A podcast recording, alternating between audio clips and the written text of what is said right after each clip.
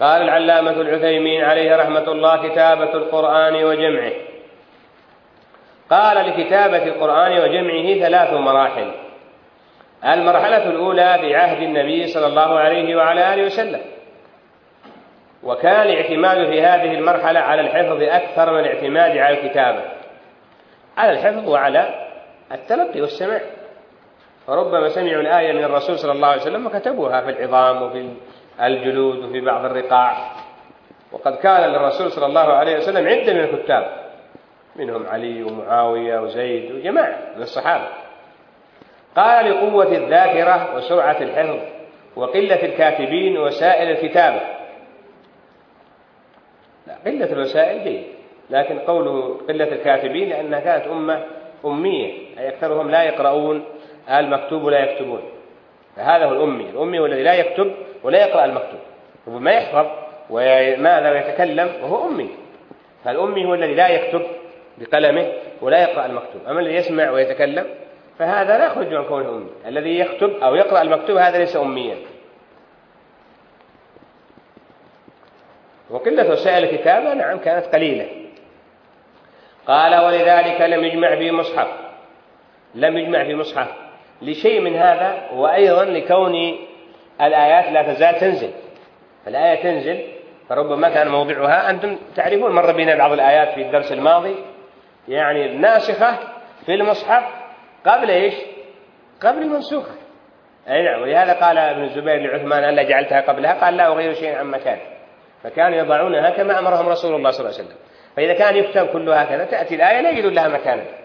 فهذا من أسباب أنه لم يجمع في حياة رسول الله صلى الله عليه وسلم في مصحف واحد.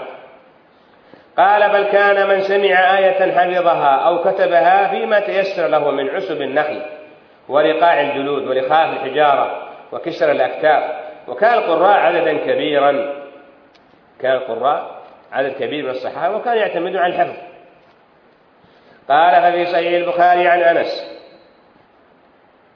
عن أنس بن مالك رضي الله عنه أن النبي صلى الله عليه وعلى وسلم بعث سبعين رجلا يقال لهم القراء فعرض لهم حيان من بني سليم رعل وذكوان عند بئر معونة فقتلوهم حديث البخاري ومسلم.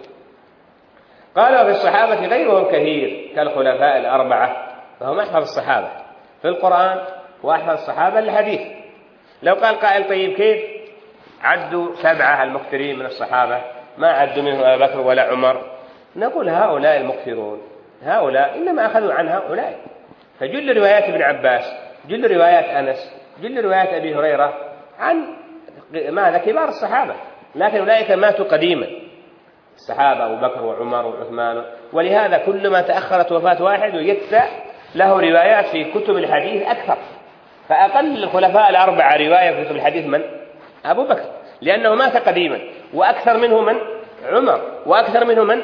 عثمان. وأكثر منه من؟ علي وأكثر من هؤلاء كلهم الذين تأخرت وفاتهم كالعبادلة بن الزبير وابن عمر وابن عباس وهكذا. قال وفي الصحابة غيرهم كثير كالخلفاء الأربعة وعبد الله بن مسعود وسالم مولى أبي حذيفة وأبي وأبي بن كعب ومعاذ بن جبل وزيد بن ثابت وأبي الدرداء. إذا هذه المرحلة الأولى في كتابة الوحي كانت على زمن رسول الله صلى الله عليه وسلم وفي زمن رسول الله صلى الله عليه وسلم وكان له جماعة. من الصحابة كتاب الوحي إلا أنه لم يجمع في مصحف واحد. قال المرحلة الثانية في عهد أبي بكر رضي الله عنه في السنة الثانية عشرة من الهجرة وسببه أن أنه قتل في وقعة اليمامة عدد كبير من القراء منهم سالم مولى أبي حذيفة أحد من أمر النبي صلى الله عليه وسلم بأخذ القرآن منهم فأمر أبو بكر رضي الله عنه بجمعه لئلا يضيع. كان هذا بمشورة عمر بن الخطاب رضي الله عنه. قال ففي صحيح البخاري أن عمر بن الخطاب أشار على أبي بكر رضي الله عنهما بجمع القرآن بعد وقعة اليمامة فتوقف. فتوقف أبو بكر. فيه رأي المفضول للفاضل.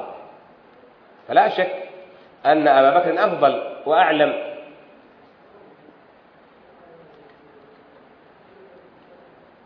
قال فلم يزل عمر يراجعه حتى شرح الله صدر أبي بكر لذلك فأرسل إلى زيد بن ثابت. فأتاه وعنده عمر. فقال له أبو بكر إنك رجل شاب عاقل لا نتهمك وقد كنت تكتب الوحي لرسول الله صلى الله عليه وعلى وسلم. هذا أحد الكتاب. فتتبع القرآن فاجمعه. قال فتتبعت القرآن أجمعه من عسب واللخاف وصدور الرجال فكانت الصحف عند أبي بكر حتى توفاه الله. لأنه كان الخليفة. ثم عند عمر انتقلت إليه. حياته. ثم عند حفصة بنت عمر أم المؤمنين رضي الله عنها وعن أبيها. قال رواه البخاري مطولا. وقد اختصره المصنف هنا قال وقد وافق المسلمون أبا بكر على ذلك وعدوه من حسناته بالإجماع. كلهم اتفقوا على هذا وأجمعوا على هذا الفعل.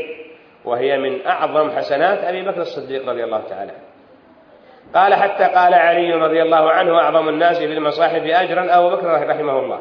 صواب يقال رضي الله عنه. ما أحد عنده رضي الله عنه؟ صواب؟ رضي الله عنه. أعظم الناس في المصاحف أجرا أبو بكر رضي الله عنه على أبي بكر هو أول من جمع كتاب كتاب الله. أعظم الناس في المصاحف أجرا أبو بكر. رحمة الله على أبي بكر. هو أول من جمع. حتى فيه ضعف هذا الأثر لكن هذا جيد. هكذا يستقيم. هكذا تصحح. تصحح. هكذا رحمة الله على أبي بكر.